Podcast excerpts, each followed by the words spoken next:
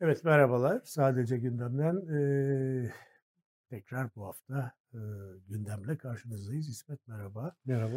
Nihayet şükür kavuşturana Şükür kavuşturan evet. Bir hafta sen yoktun, bir hafta ben yoktum. Eee istersen Susurluk manşetini atmış, Susurluk Adası manşetini Evet. atmış karar. Bu Kıbrıs'ta olup bitenlerle başlayalım. Eee Peker'in adını verdiği Halil Falyalı bilen biliyor. Ee, ilgili gazeteciler pek çok yazmışlar Evet. ismini sağda solda. Hem e, kumar mafyası hem uyuşturucuda adı geçen hem siyasi işlerde ilişkilerde adı geçen bir e, kumarhane sahibi e, öldürüldü. Başka cinayetler de işlendi bu arada. Bir mafya ilişkisinden kaynaklanan bir ceset bulundu. Evet.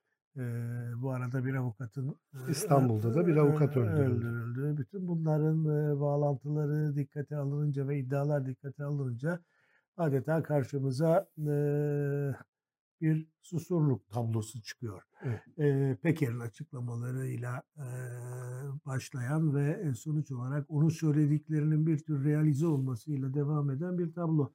Nasıl okumak lazım? Bir kere tabii eee, biraz susurlukla da karşılaştırırız. Şimdi bir tabii onu bir hatırlatmakta ya da bir küçük tanım en azından vermekte de fayda var. Susurluk neydi? Susurluk işte meselenin Kürt sorununa değen eee, derin ve çok uzun bir bölümü olmakla birlikte Susurluk bir bakıma da devletin ya da devlet yetkisi kullanan bir takım organların karanlıkta iş yapmak amacıyla Susurluk'taki bahane oydu. Kayıt dışı iş yapmak bahanesiyle sözde milliyetçi gerekçeler vardı. Bu sefer o da yok galiba. Bir takım karanlık örgütlerle, uyuşturucu mafyalarıyla, eli silah tutan insanlarla eee, suç örgütlerinin bir araya gelmesi idi. Devlet adına yetki kullanan insanlarla suç örgütlerinin bir araya gelmesiydi.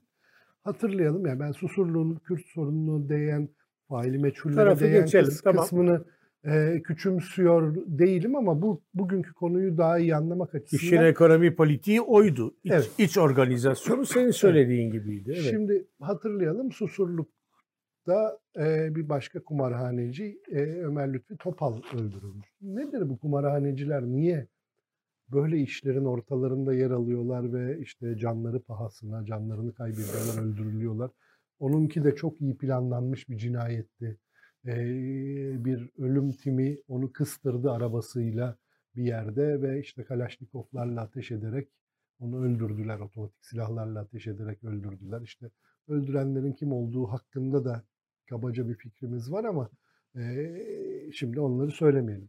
Şimdi kumarhaneciler niye bu işin merkezinde? Kumarhaneler eee, kara para aklamanın bizdeki düzensizlik sebebiyle dünyanın başka yerlerinde artık böyle bir sorun yok. Yani Fransa'da, Monaco'da kumarhaneler var. O kumarhanelerin sahipleri kara para aklamakla suçlanmıyorlar.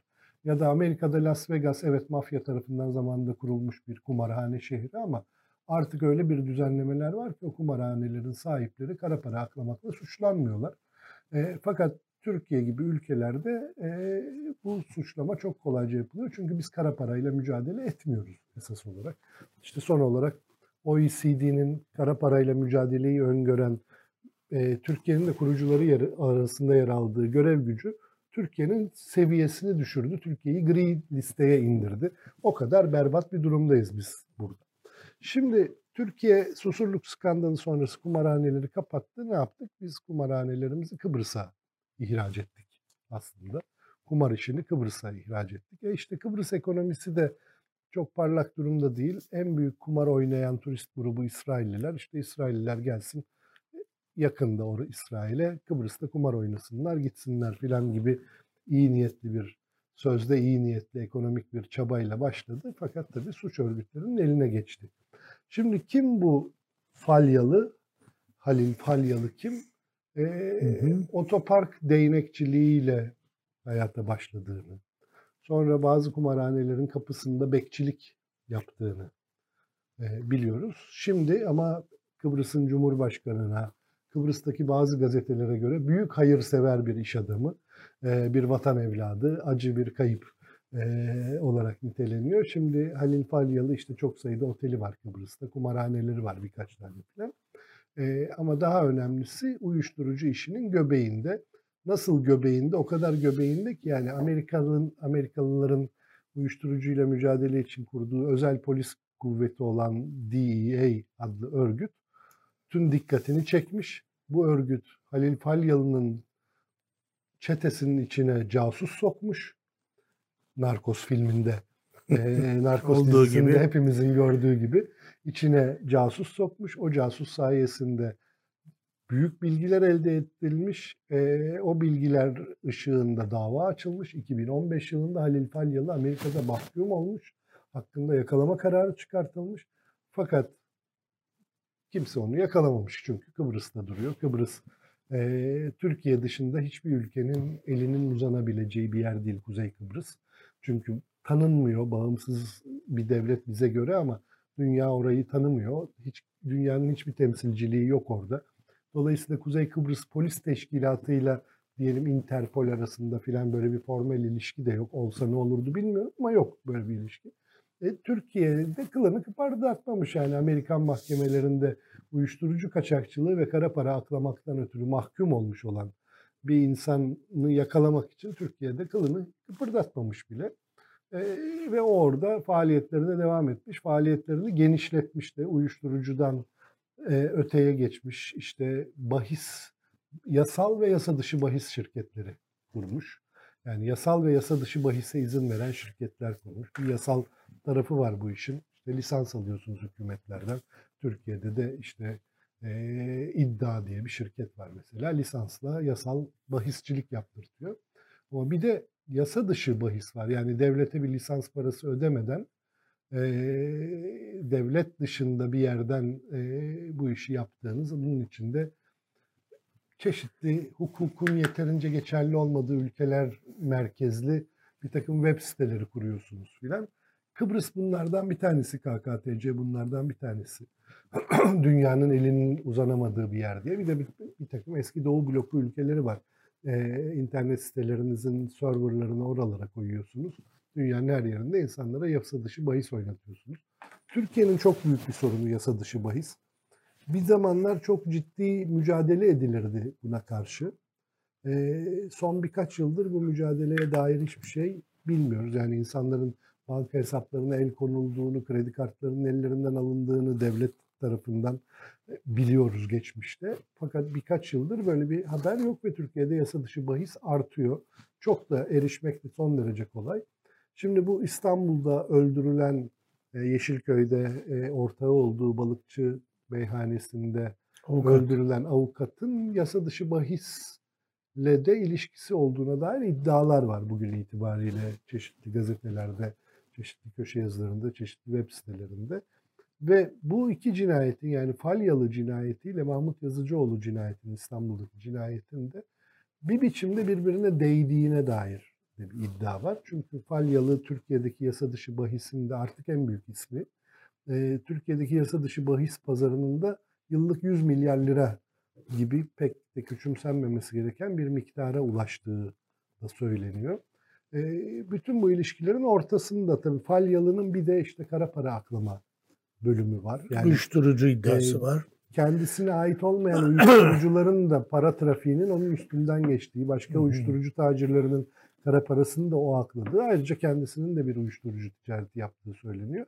Bir üçüncü iddia daha var. O da işte elinde çeşitli şantaj yani otellerinin odalarında özellikle ve kumarhanelerinde çekilmiş şantaj kasetleri olduğu ve bu şantaj kasetleriyle Kıbrıs siyasetine hükmettiği söyleniyor.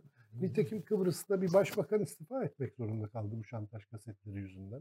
Evet. Ee, bir başka bakanın başına gelmedikler kalmadı filan. Yani e, son derece karanlık bir durum. Şimdi öldürenler çok profesyoneller Falyalı'yı. Öldürür öldürmez bir sürat motoruna binerek Türkiye'ye doğru yola çıkmışlar. Bu Türkiye'den geldikleri izlenimi veriyor e, bir görgü tanıkları cinayeti işleyen infaz timinin askeri disiplin içinde hareket ettiğini yani eğitimli insanlardan bu konularda eğitimli insanlardan oluştuğunu söylüyor eğer o görgü tanıklarına inanmak gerekirse. Bu tabi e, cinayeti kim işledi sorusu ve neden işlendi sorusunun cevabını da karmaşıklaştırıyor aslında. Çünkü Falyalı, Halil Falyalı adının çıkmış olması Sedat tarafından hepimizin gündemine sokulmuş olması ve Falyalı'nın Türkiye'de de bazı siyasetçilere şantaj yaptığına ilişkin iddialar, e, Türkiye'den de bu manada kendine bir koruma elde ettiğine dair imalar, e, tabii işte acaba yani bu basit basit demeyelim yine de ama bir mafya içi hesaplaşma mıydı Halil Falyalı'nın evet. öldürülmesi? Yoksa Türkiye'den derin devletin de müdahil olduğu bir hesaplaşma ya da bir temizlik operasyonu muydu? Sorularını da kaçınılmaz bir şekilde akla getirdi. Evet, gayet güzel özetledin, topladın. Ben de bunun üstüne birkaç yorum Lütfen. Şimdi tabii bu dediğin gibi Susurluk'taki organizasyonla bugün karşımıza çıkan e, tablonun akla getirdikleri arasında herkes Çok bir bağlantı kuruyor. Nitekim gazetede bu manşeti haklı olarak atmış. Bu nasıl bir ilişki diye baktığımız zaman yani bir devlet, siyaset, mafya ilişkisi. E, ve karşılıklı kullanım üstüne evet. e, kurulu. Bunun iki tane ayağı var. Sen de söyledin. Bunlardan bir tanesi siyasi işler ayağı. Evet. Yani devletin e, yasal olmayan bazı işlerini e, ya da ihtiyacı olan finansmanı ya da diğer meselelerini yaptırdığı bir e, karanlık bir mafya grubu var. E, ikincisi tabii bu tür bir ilişki kurulduğu andan itibaren e, oluşan büyük kaynak, büyük para e, etrafında yaşanan bir paylaşım meselesi evet. var. Yani biz susurluğun iki ucunu da e, yaşadık. İki ucunu da biliyoruz. Tabii paylaşım meselesinden dolayı pislik ortaya çıktı, cinayetler. Bugün de e, baktığımız zaman akla gelen ilk e, işlerden bir tanesi bu. Ama e, şunu tabii söylemek lazım.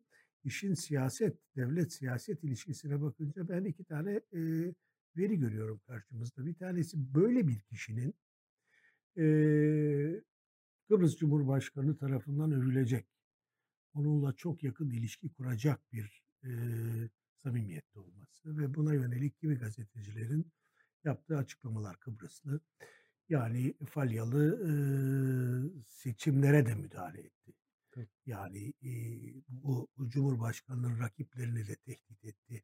Yani e, bizim bu Peker'in açıklamalarından sonra hep aklımıza gelen e, siyasetin e, yapılanmasında mafyalaşma. Evet. Yok yok tamam affedersin. Mafyanın kullanılması. Şimdi tabii bu çok önemli bir şey çünkü bunun bir ucu Türkiye'ye uzanır. Ee, Türkiye Kıbrıs Türk devleti ve Türk hükümeti Kıbrıs'taki seçimler ve Kıbrıs'taki siyasi gidişat hakkında hiçbir zaman tarafsız değildir. Müdahildir. İşte şimdi Ersin Tatar kazansın diye doğrudan Türk Türkiye devreye girdi, Kesinlikle. devrede oldu. Bu değil mi? Anlam planı döneminde de böyleydi. Hatta evet. iki taraf savaştı orada bir daha e, özel harp diyeceğimiz evet. daha asker cephesiyle o dönemki AK Parti cephesi evet. arasında bir e, sert saha çatışması oldu. E, dolayısıyla şimdi buradaki tablo da e, aklımıza bazı sorular getiriyor. Yani siyaset açısından öldürülen bir e, mafyatik bir kişi var. Bu kişinin siyasetle ilişkisi var. Cumhurbaşkanını desteklemiş, diğerlerine karşı çıkmış. E, bu Cumhurbaşkanı Türkiye tarafından da desteklenmiş ve seçilmesi arzu edilmiş. Yani böyle bir dizi karmaşık ilişki. Yani bu hükümet doğrudan Türk hükümeti mafya ilişkileri içindedir anlamına gelen bir sonuç buradan çıkmaz ama bir ayak bir bağlantı birbiriyle değiyorlar e, bir buraya doğru açılıyor demektir. Dolayısıyla burada hakikaten işin e, büyük bir e, skandal tarafı var. İki, e, Kıbrıs meselesi. Kıbrıs e, öyle bir ada ki öyle bir yer ki e, statüsü itibariyle sen de bunu benden çok daha iyi bilirsin. Türkiye'deki bu e, arka bahçede yapılan karanlık işlerin merkezi. Evet. Yani kaçan oraya kaçar, e, suçlular orada saklanır, cinayetler orada tertip edilir, jitemciler ya da özel harekatçılar ya da başka çeteler oralarda evet. birikir bu vasfını Kıbrıs'ın kaybetmediğini e, ve hala kullanıldığını belki de özellikle korunduğunu görüyoruz. E, bunu başka türlü izah etmek e, çok kolay değil. Şimdi e, buradan e, Peker meselesine çok kısa değinmek istiyorum. Şimdi Peker açıklamalar yaptığı zaman e, bir takım ucu açık, bizim de bilmediğimiz yerlere göndermeler yaptı. Fakat ilginç bir şekilde Peker'in tetiklediği meseleler tek tek gündeme bu tür asayiş olayları olarak geliyor. Belki de Peker'in tarif ettiği ve bizim seninle o dönemde yani bu biraz acaba devletin mafyalaşması mı, siyasetin mafyalaşması mı dediğimiz tabloya doğru bir gidiş var. Ee, tabii bu sorular ne kadar sorulabilecek? Mesela Ayşenur Aslan e, dün televizyonda takip etmişimdir evet. zannediyorum. E, Milli Mukavemet Teşkilatı ile ilgili e, illegal bir ayağı vardı, e, karanlık işler yaptı e, dedi diye başına, dedi diye başına ama. şimdi e, Rütük'ten soruşturma açıldı. Hatta Hükümet Sözcüsü Ömer Çelik'in e, Milli Mukavemet Teşkilatı'nın EOK karşısında Türk davasını nasıl savunduğunu anlatan bir açıklaması oldu. Neyse hükümet sözcüsü öyle bir açıklamaya var, ama parti sözcüsü diyelim. Ee, yine de e, burada e, benim endişelendiren şey evet Milli Mukavemet Teşkilatı elbette orada bir kavga verdi o etnik çatışmada vesairede ama bu teşkilatın aynı zamanda özel harp idaresi tarafından yönetildiğini, çok da e, temiz olmayan bazı ya da yasal olmayan işlere kalkıştığını, bu tür grupları koruduğunu da e, pek çok araştırma, kayıt ortaya koyar. Dolayısıyla bunlara yönelik bir tartışmanın daha bugünden engellenmesi gibi bir e, kaygıyla karşı kadar, karşıyayım. O kadar tipik yani bir bir, yüce, bir şeyi bitireyim sonra sen devam et. Bu konu önemli çünkü şimdi neden bu adam öldürüldü sorusuna tabii cevap vermemiz bizim buradan mümkün değil ama akla varsayımlar gelebilir. Yani e, bunlardan bir tanesi görüntü arşivi. E, elinde bir görüntü arşivi var Olduğu ve e, susturulmuş olabilir. Birilerini tedirgin etmiş olabilir. Görüntü arşivinin dışında tehdit etmiş olabilir elindeki bilgilerle. E, bir hesaplaşma e, tabii olabilir. E, yani bir paylaşım kavgası olabilir.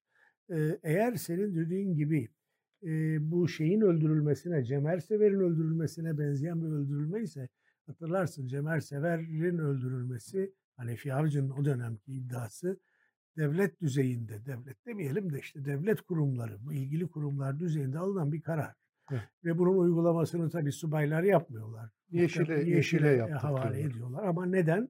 Çünkü Cemer Sever e, Kürtlerle mücadelenin, Kürt sorunuyla mücadelenin yeterli olmadığını, daha radikal olunması gerektiğini söyleyerek bir dizi yüksek miktarda plastik bombayı, patlayıcıyı e, alıyor ve bir harekete geçecek kendisi, kendisi, kendisi bir evet. gerilla grubu kurmak üzere kurmak hazırlanıyor. üzere ve konuşmaya başlıyor arada. Evet. Ee, yüksek fikirlerini yüksek anlatıyor. fikirlerini anlatıyor ve bir temizlik yapıldı orada. O öldür böyle bir iş midir?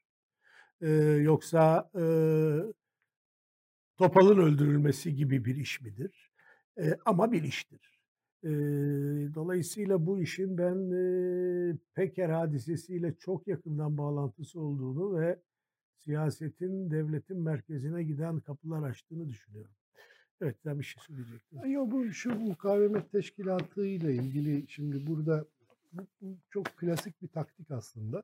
Ortada bir yüce amaç var. Nedir yüce amaç? Milli Mukavemet Teşkilatı'nda işte Kıbrıs'ta Türk varlığına karşı etnik saldırıda bulunan bir terör, etnik temizlik girişiminde bulunan bir terör örgütü var. EOK, EOKB. Evet. Bunlar işte Kıbrıs adasının e, Yunanistan'la birleşmesini, Enosis'i istiyorlar. Bunu bunun hepimizde bir öfke yaratmasından daha doğal bir şey yok. Yani 60'lı yıllardan söz ediyoruz zaten. Buna direniş içinde oradaki Türkleri Türkiye örgütlemeye karar veriyor. İşte ne yapıyor? İşte bizden özel bunun bir sürü hatırat yazıldı bu konuda da onun için rahat Evet evet tabii tabii. Ee, bizden özel kuvvetlerden askerler gidiyor. Orada insan sivilleri eğitiyor. Bir direniş grubu kuruyor filan. Ee, bu yüce amaç tamam. Buna kimsenin çok da bir şey dediği yok. Kendilerini savunuyorlar bazen de biraz saldırıyorlar falan ama çok azdır. Meşru esas, diyelim yani yüce evet. Es, esas olarak savunmacı da bir güçtür. Yani böyle gidip Rum katliamı yapmamıştır. Rumlar gelmiş Türkiye'de insanları Türk, Türk tarafında Kıbrıs Türklerini öldürmüşlerdir. Meşhur fotoğrafları hepimiz hatırlıyoruz ama Türk Mukavemet Teşkilatı Rum tarafına gidip de böyle bir katliam gerçekleştirmiş değildir. Onu da kenara yazalım.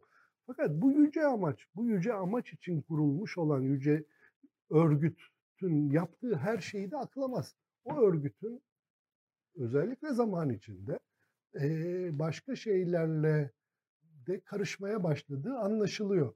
Şimdi Türkiye'de de aynı şey Susurluk'u işte Susurluk çetesini bir araya getiren bir tırnak içinde yüce amaç var. Nedir o? İşte PKK'ya finansman sağlayan iş insanlarını caydırmak.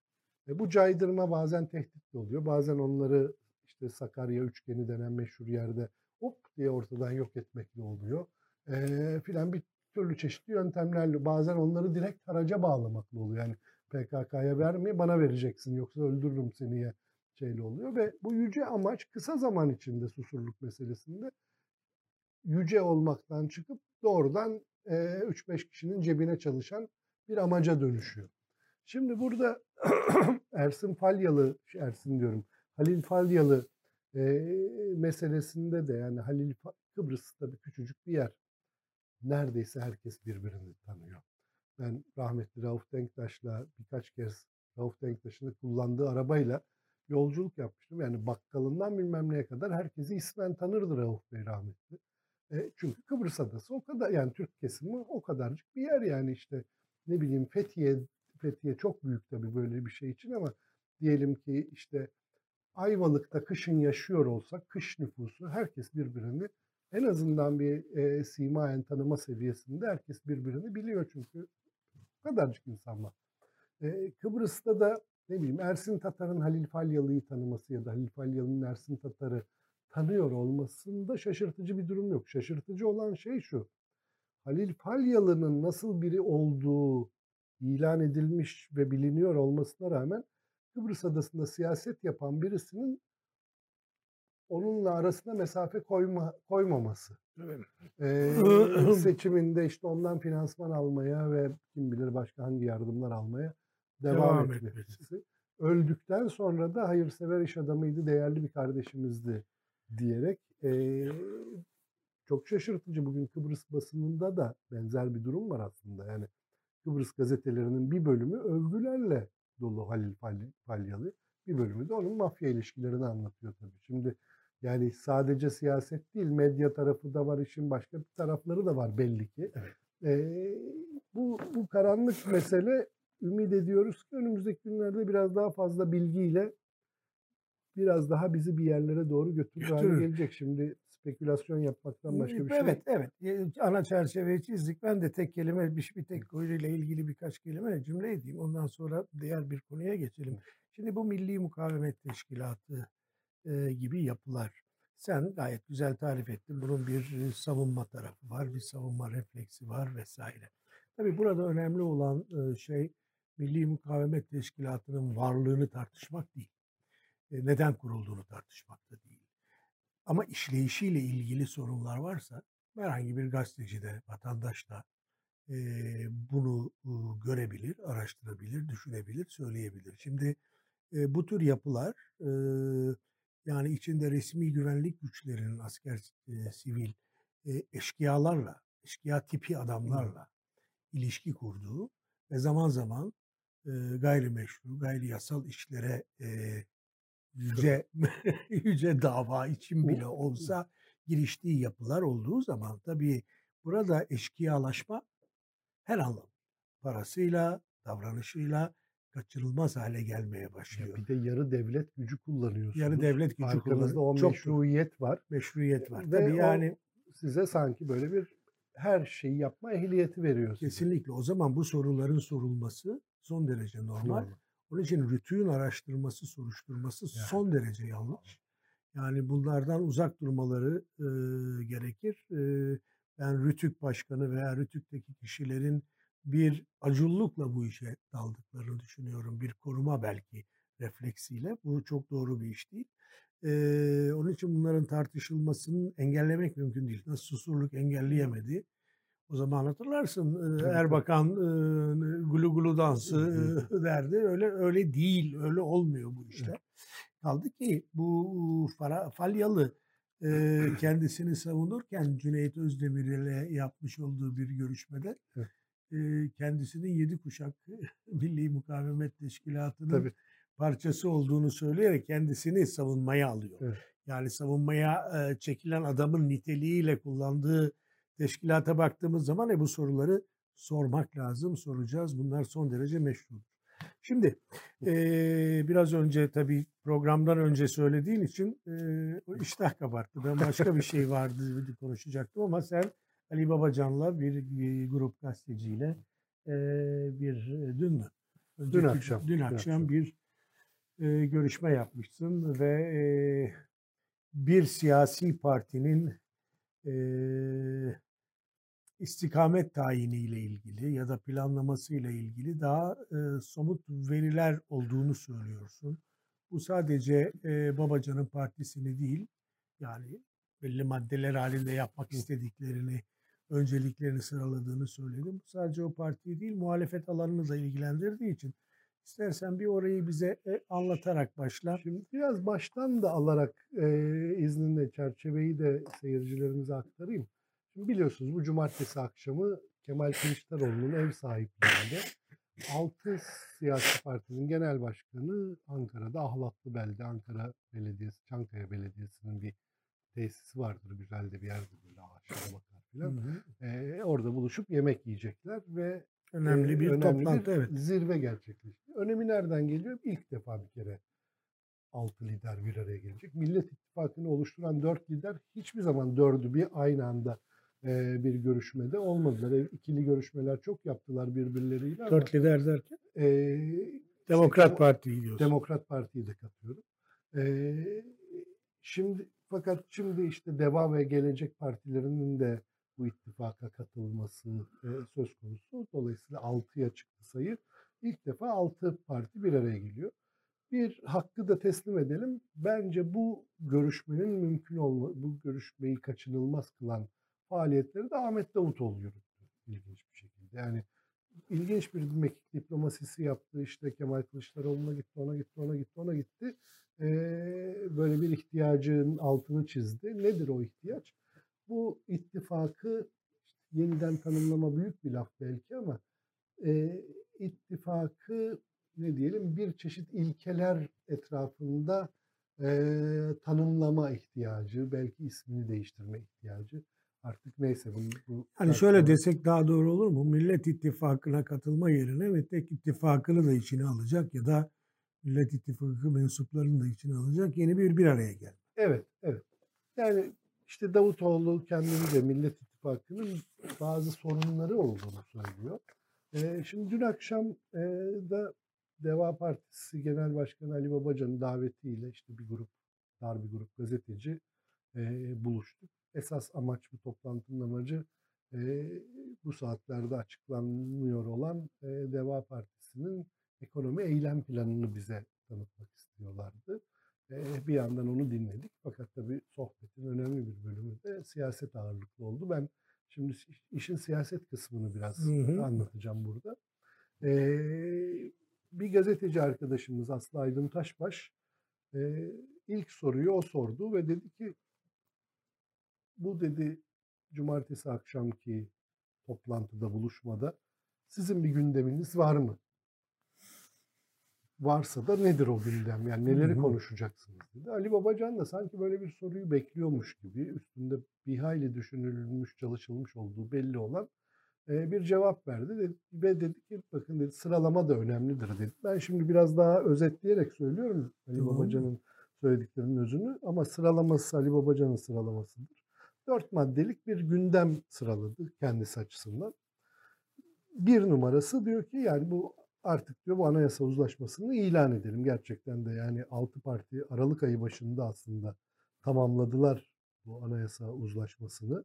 Ama nedense bir türlü ilan edilemiyor bu uzlaşma. Ee, onu artık ilan edelim bu bir hayal kırıklığına dönüşmesin demeye getiriyor. İkinci maddesi geçiş sürecinde ülkenin nasıl yönetileceğine ve diğer detaylara dair çalışmamız lazım. Geçiş sürecinden kastettiği aynı anda iki şey Ali Babacan'ın. Bir e, mevcut iktidar döneminde erozyona uğramış, yıkılmış, neredeyse yok olma raddesine gelmiş kurumları, e, uygulamaları vesaireyi düzeltecek, bu verilen hasarı onaracak bir süreçten söz ediyor bir yandan. Hı hı. Bir yandan da aslında eğer parlamenter sisteme geçiyorsak Eee, ama Cumhurbaşkanlığı sistemiyle bir Cumhurbaşkanı seçeceğimiz için o Cumhurbaşkanı parlamenter sisteme geçiş sırasında o bu onarımı da yapsın ve geçişi de sorunsuz sağlasın. Onun süresi belli olsun. Yapacağı işler belli olsun anlamında kullanıyor bunu.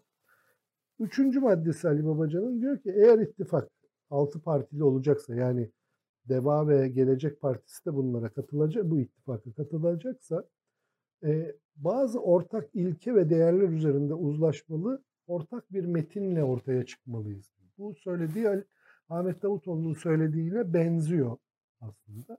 Ben de hemen bunu sordum. Dedim ki ya bu Ahmet Davutoğlu da bunu söylüyor. Siz e, üç aşağı beş yukarı aynı fikirde misiniz? E, evet ama dedi Ahmet Davutoğlu dedi bunu birinci sırada yani bunu olmazsa olmaz şart olarak söylüyor. Ancak bunda uzlaşılırsa diğer maddelere geçerim e, imasında bulunuyor. Benim öyle bir derdim yok. Biz benim gündemimde üçüncü sırada bu e, dedi Ali Babacan. Yani bir yerde ittifakla uzlaşma, hı hı. ittifaka katılmaya e, daha hazır gibi gözüküyor. Dördüncü maddesi de seçim öncesinde detaylı bir koalisyon protokolü benzeri bir protokol üzerinde anlaşabilmeliyiz diyor. Bunu da şart olarak söylemiyor ama olsa çok iyi olur diyor.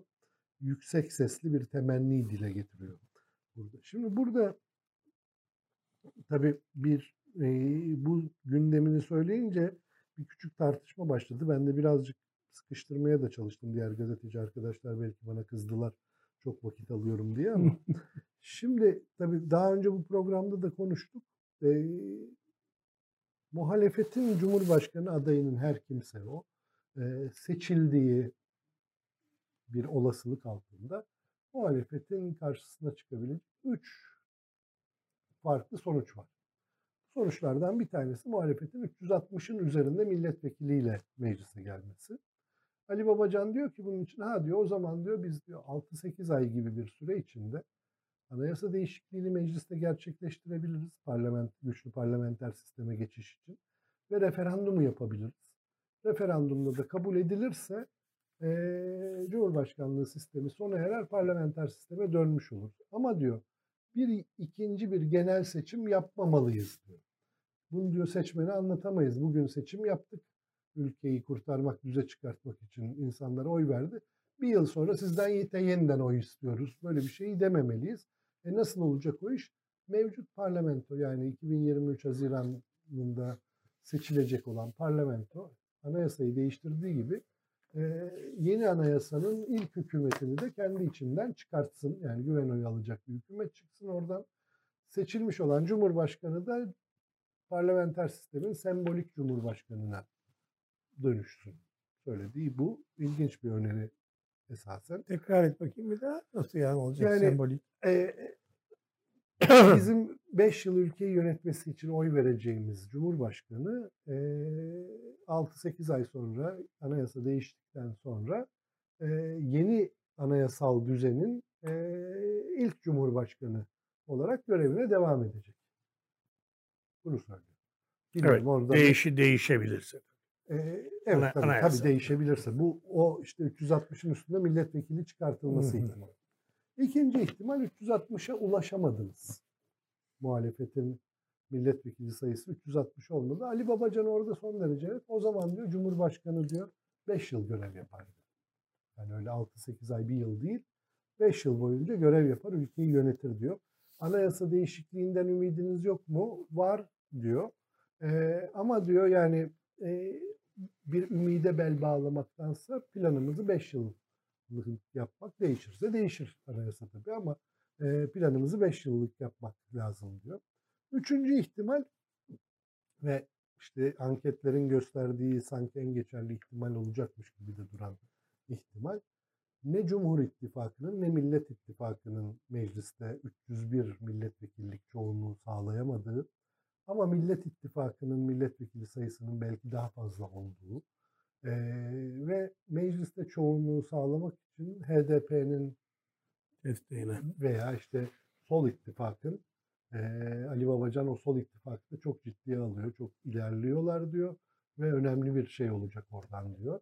E, Sol İttifak'ın desteğine ihtiyaç duyuluyor olması E, bu durumda da diyor ki o zaman diyor seçilen Cumhurbaşkanı 5 yıl yönetir diyor. Şimdi buradan çıkınca yani 3 ihtimalden ikisinde Cumhurbaşkanı 5 yıl yönetecekse Cumhurbaşkanı nasıl birisi olacak? Yani Cumhurbaşkanı adayı nasıl birisi olacak?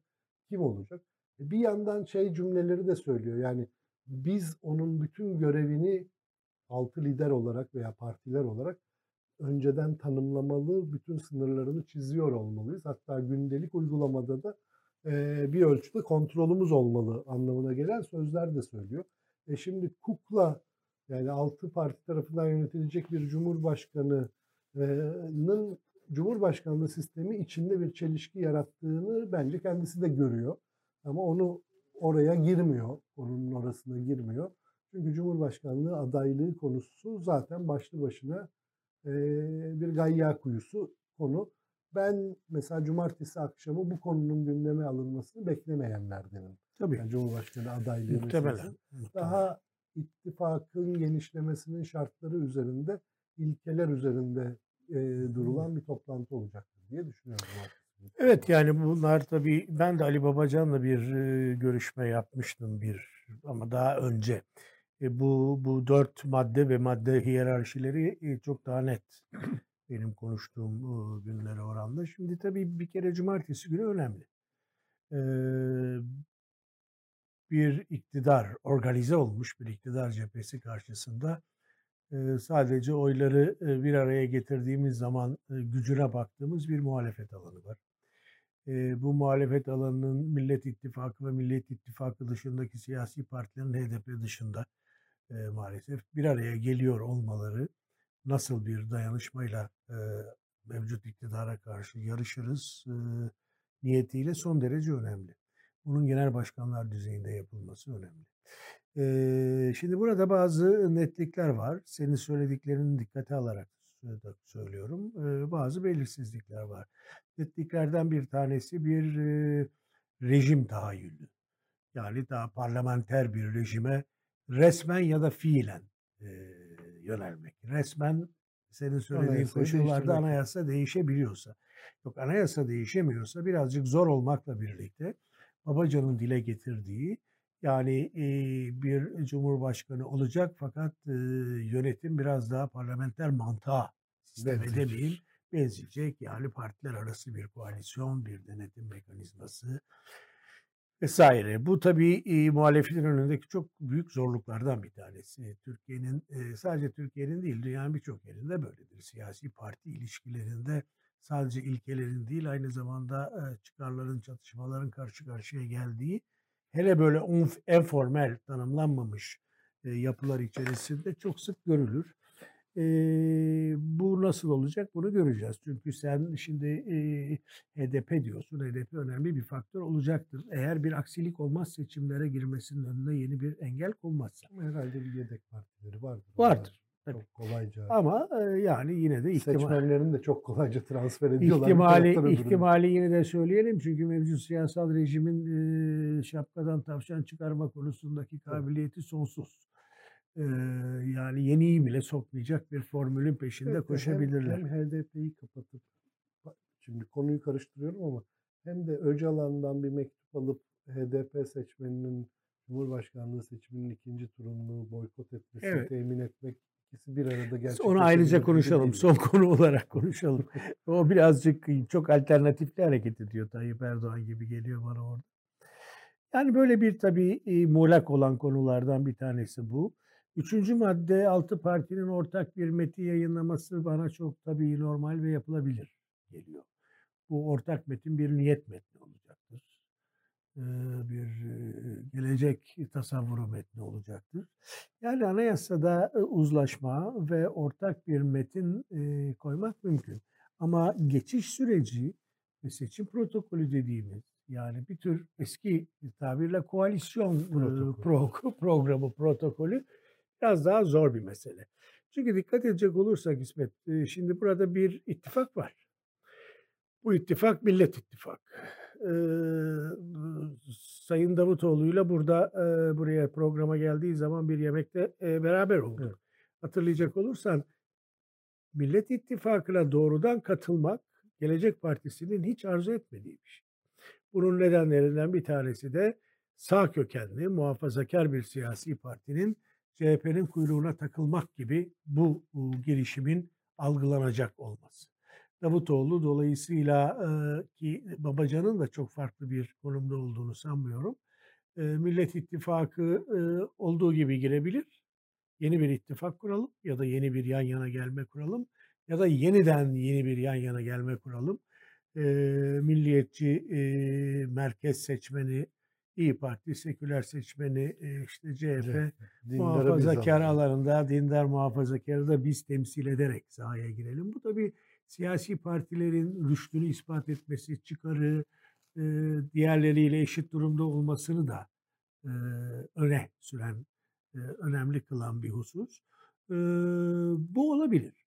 Yani bunun olma ihtimalini ben çok zayıf görmüyorum. E, tabii burada çok önemli iki tane şey var. Siyasetin özrüne gönderme yapan şey. Bunlardan bir tanesi işte o, o ortak protokol, ikincisi ortak aday.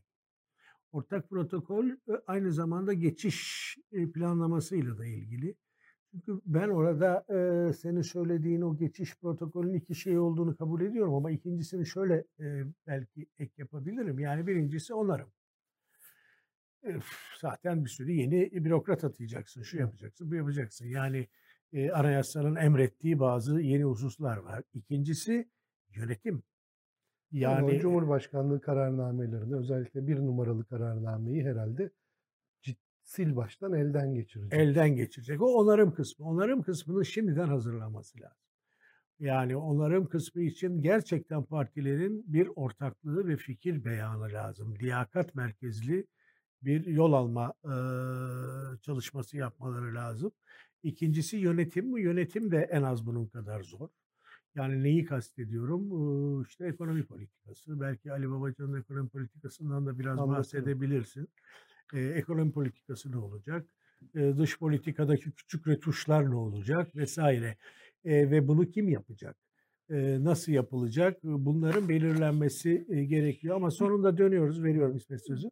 Sonunda dönüp geliyoruz en kritik noktaya aday e, aday meselesini belki önümüzdeki programlarda tekrar tekrar çok konuşacağız. Çok şimdi şimdi girmeyelim ama işin kilitlendiği yer e, burası diye e, düşünüyorum. Evet şu ekonomi kısmını şu, nasıl düşünüyor Babacan? Önce, ekonomiden önce kısa bir bilgi vereyim bu geçiş süreci konusuyla ilgili olarak.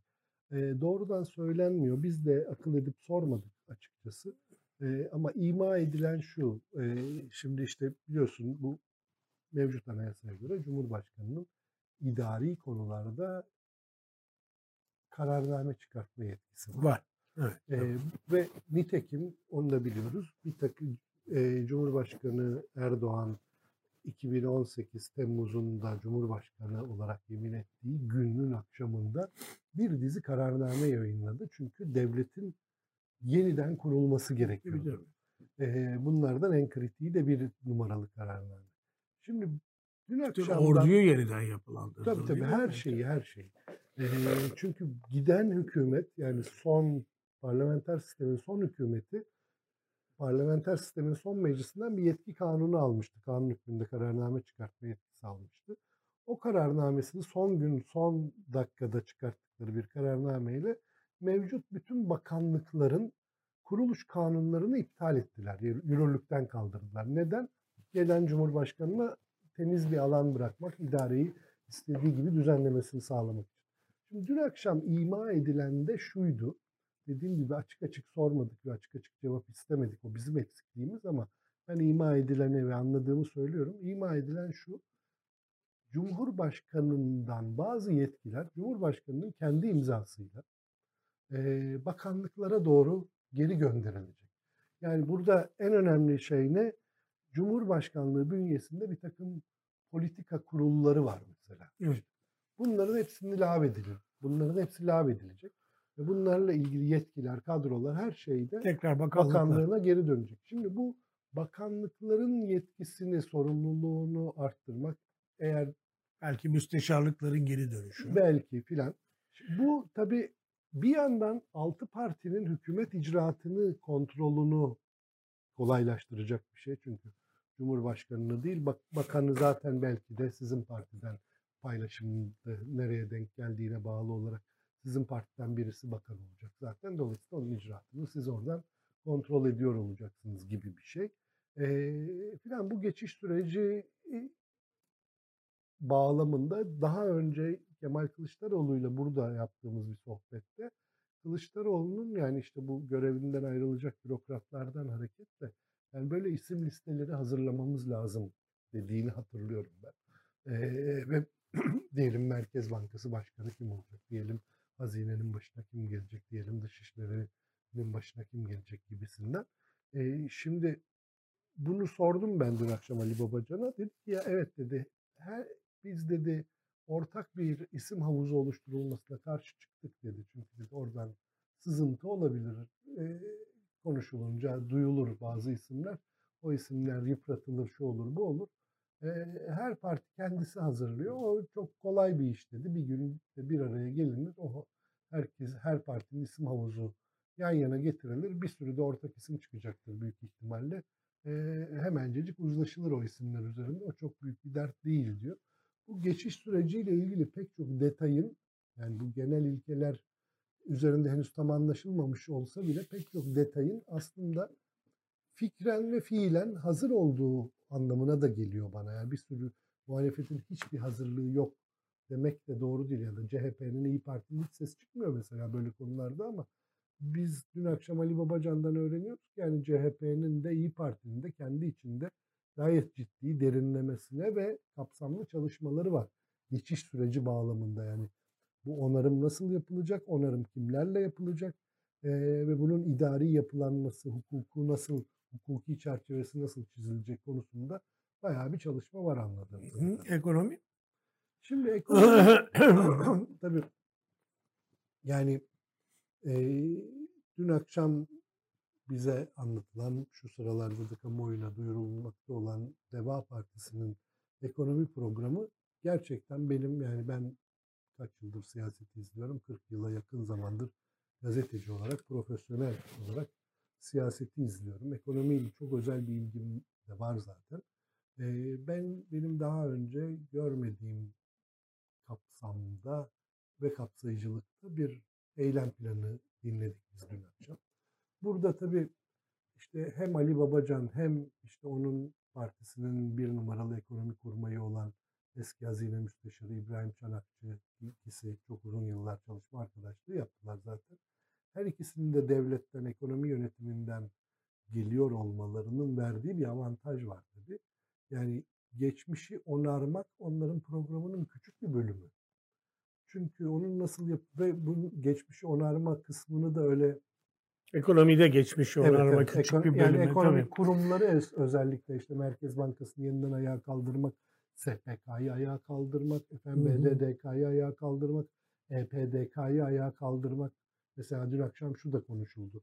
İşte şimdi Isparta'da e, neredeyse bir hafta boyunca elektrik verilemedi. Şimdi anlıyoruz ki EPDK oradaki dağıtım şirketi üzerinde yapması gereken denetimi yeterince iyi yapmamış. Dağıtım şirketi de yatırımlarını yeterince yapmamış. E, EPDK yani vatandaşı temsil etmek yerine şirketi temsil etmeyi tercih etmiş. Şimdi halbuki EPDK bunun için kurulmadı. EPDK seni beni hem siyasetçi hem de şirketlere karşı korumak üzere kuruldu. Bağımsız denetleme ve düzenleme kurulları böyle. Neyse bu, bu prensipler filan e, yeniden hatırlanmış. Orada tık diye konmuş.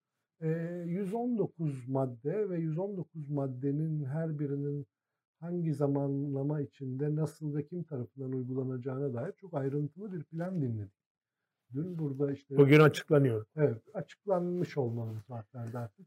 Yani vergi reformundan e, istihdamın geliştirilmesiyle ilgili konulara, eğitimden bilmem neye kadar yani Anladım. ekonomiye değen kısmıyla çok kapsamlı bir program. Gerçekten ben, ben beğendim yani. İlk defa siyasetle ilgili bir ışık o, var orada. E, hayır ben tabii diğer programlarını da daha önceden bakmıştım. Dün akşam özellikle onlara da baktım. Mesela tarım eylem planı da gayet güzel. Dijital dönüşüm eylem planı da gayet güzel. Yani Deva Partisi bir düşünce kuruluşu gibi gayet iyi çalışıyor. Bir de bakalım siyasi parti olarak ne yapacak? Olarak ne Onu da yapacak? göreceğiz. Yani Peki yoksa güzel. Türkiye'nin ihtiyaç duyduğu bir düşünce güzel çünkü yapıyorlar. şimdi tabii bugüne kadar senin de benim de ortak bir tedirginliğimiz, kaygımız muhalif alanda e, organizasyon, e, siyasi organizasyon ve siyaset üretme, e, gelecek tahayyülü Hı. yani kurucu siyaset diyelim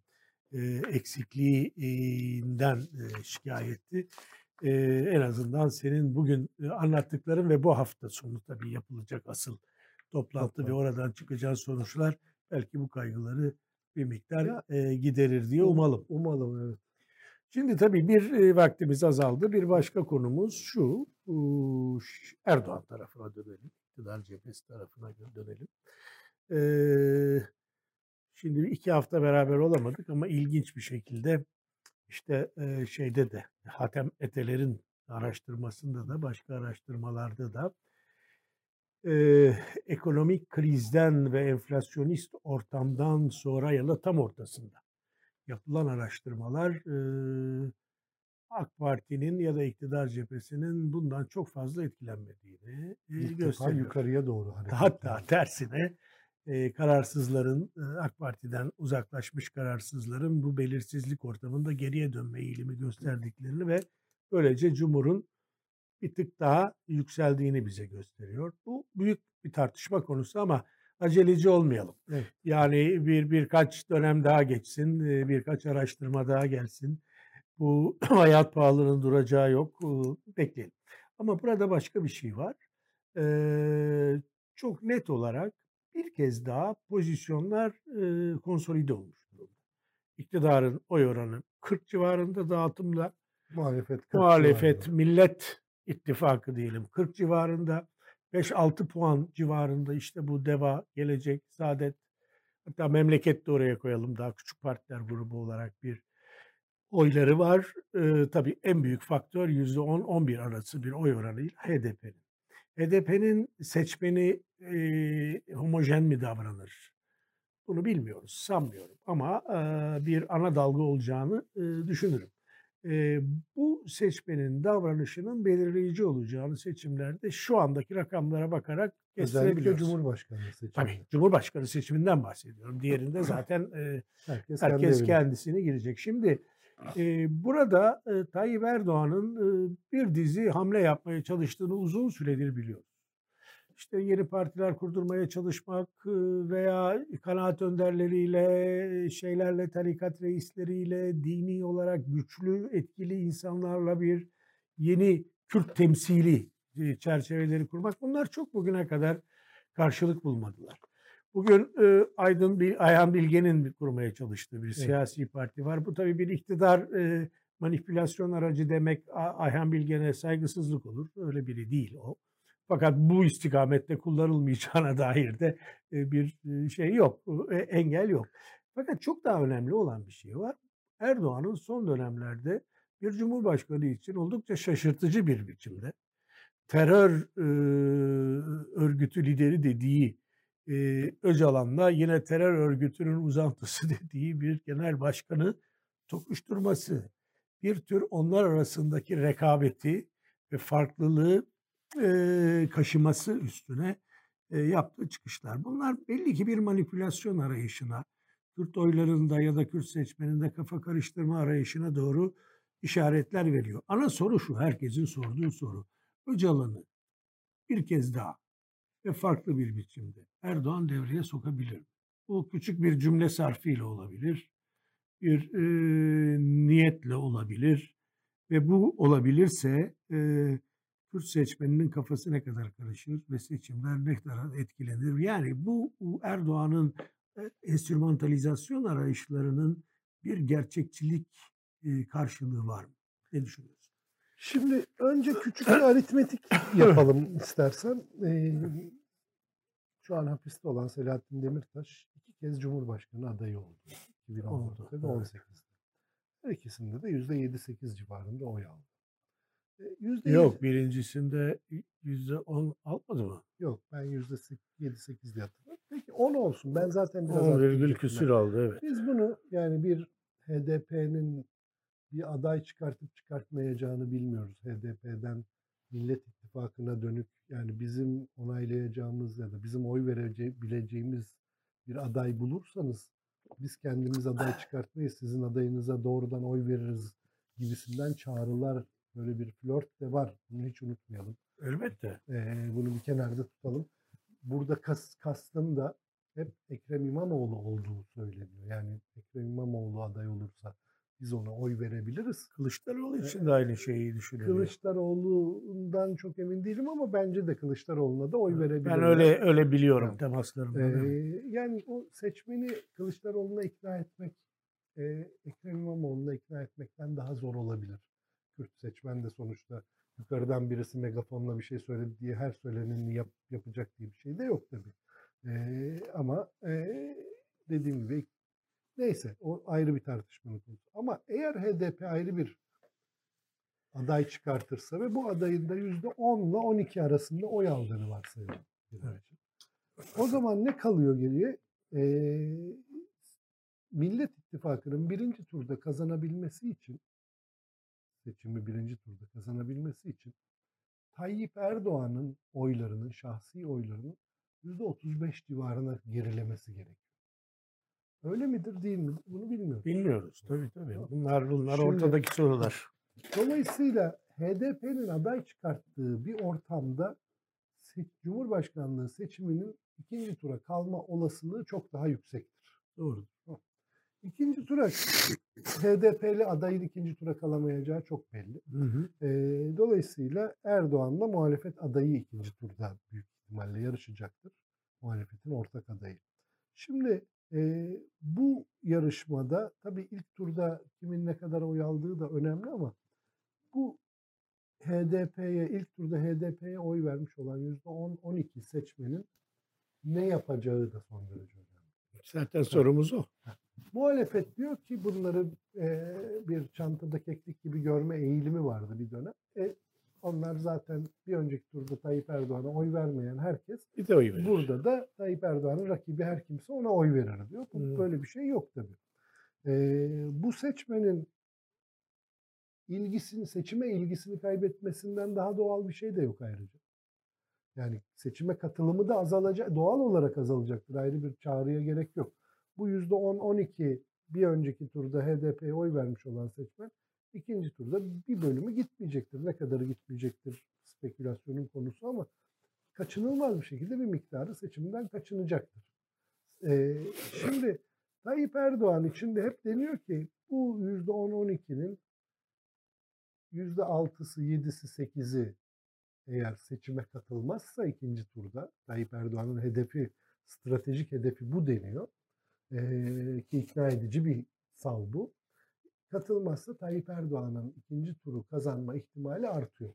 Tabii. Şimdi Kürt seçmen Ha, tehlikesi ha, bertaraf oluyor. Öcalan'ın da bu yönde devreye sokulması. Yani Öcalan tercihinizi Ahmet'ten Ayşe'den yana koyun derse etkili olmayabilir.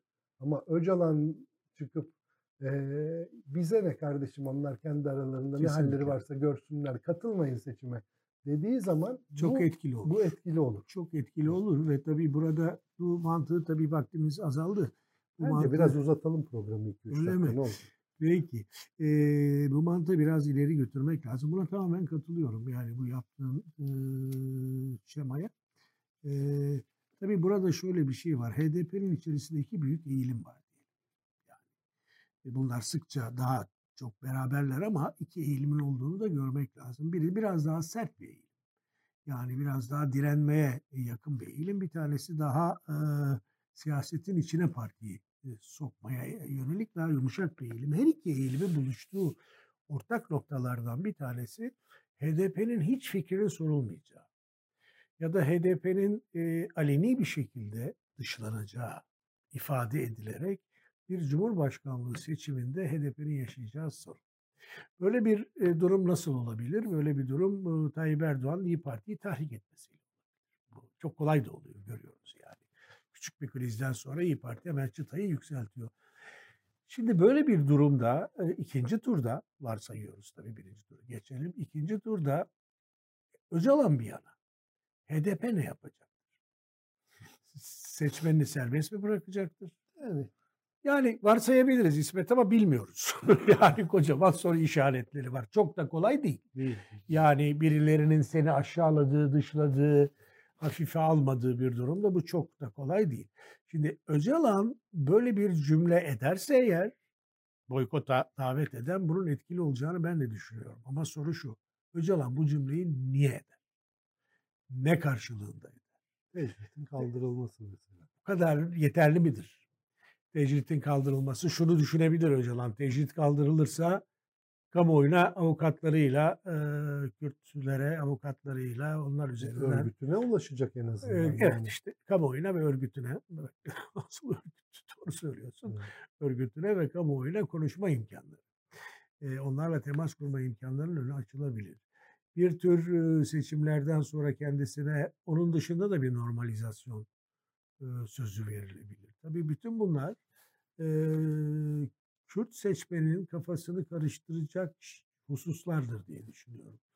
E, şeyde bile e, biliyorsunuz e, biliyorsun e, Öcalan Öcalan nereden çıktı? Erdoğan Diyarbakır'a gittiğinde bundan 6-7-8 ay önce ve e, yeniden bir açılım olur mu umudu Merak e, nasıl e, Güneydoğu Kürtlerini bu taraftaki Kürtlerde bu etki çok olmuyor. Buradaki öfke daha büyük. Evet.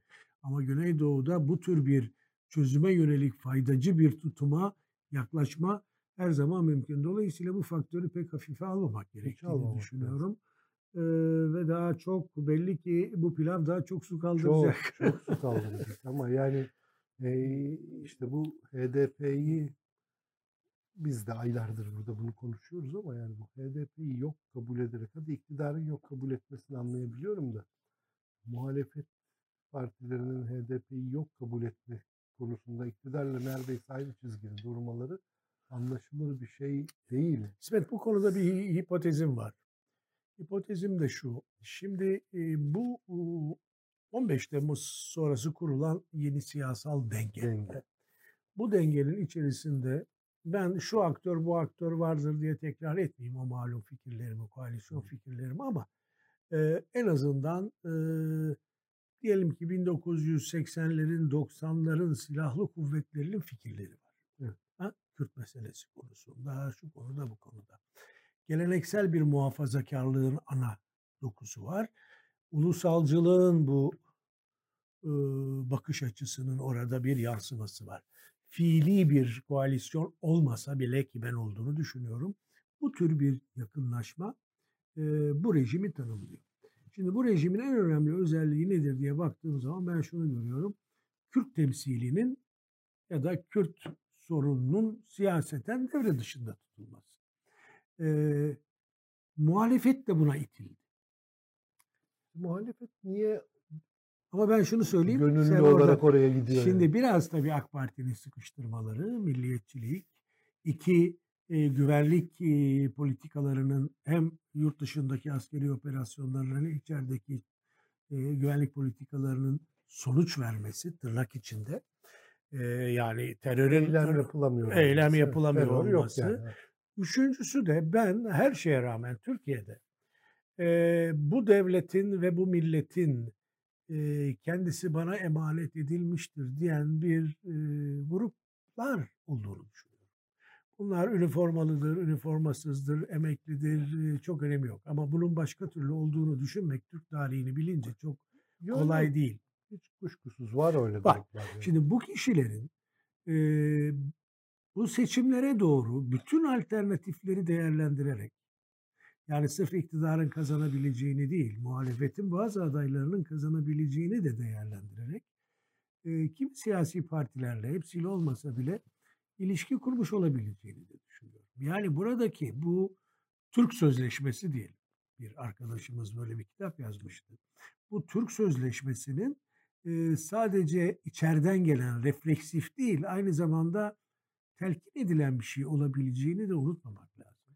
Böyle bir ihtimali böyledir demiyorum ama böyle bir Yo, yo. ihtimalin masada olduğunu düşünüyorum. Çok iyi anlıyorum bunu. Ben son bir iki cümle söyleyeyim bitsin bu program. Ee, şimdi bunu anlıyorum ama muhalefetin aslında bunu kırmaya sadece bu Kürt meselesinde de değil. Başka pek çok konuda da aynı şey. Yani E yapıyor ama Paradigma Kılıçdaroğlu kırmaya çalışıyor işte. paradigma dışına çıkıp, kutunun dışına çıkıp düşünmeye, kutunun dışına çıkıp hareket etmeye, o manada radikal olmaya yani kökten bir senin tanımlarını ben kabul etmiyorum kardeşim. Ben ben başka Kesinlikle. türlü bunu dediği zaman ben daha kazançlı, Ben de öyle düşünüyorum. daha kazançlı olacağını ve işte onlar herhalde Türk oyları kaybetmekten falan tam tersine daha çok Türk oyu alacağını Ben de öyle da düşünüyorum. İsmet Yani- ama benim ve senin Yani bırakın- düşünmen Kürt oylarını almayı bırakın ben Kürt oyları ne kadar alabilirler zaten çok tartışmalı bir şey ama Türkiye'nin batısında Kesinlikle. diyelim Türklerden hatta Orta Anadolu'dan daha çok oy alacaklarını bence de. Yeni Yani bir dalga bu- yaratmak Ha, bu- demek bu Ha, tabii. bir de delikanlıca bir duruş demek bu yani bir de hop Tabii. sen mi tanımlayacaksın benim oyun alanımı? Benim oyun alanım burası. Olması gereken Ee, bu ama demek ki bir takım kısıtlar var. Zihniyet kısıtları var. Belki parti içi Bence- dengeler var. Bence Ee, daha çok zihniyetten ve ezberleri bozmaya cesaret ed- edilemeyişinden kaynaklanan sorunlar bunlar. Yani Ama milliyetçiliğin e, Aha, zihniyet direnç noktalarını hiç hafife almamak Yo yo lazım. onları hiç hafife almamak lazım ama bu milliyetçilikten vazgeçmek anlamına da gelmez Elbette, ayrıca. elbette. Yani ben kardeşim HDP ile iş Tabii tabii ama şu anda Ha. biz e, muhalefetin nasıl davrandığından nasıl davranması Evet, gerektiğiyle doğru- doğru, doğru geçtik. İşimiz bu değil. Kendileri kendi becersinler. Kendi- evet, bugün de sadece gündem burada bitiyor. Önümüzdeki hafta tekrar buluşmak üzere. İyi günler.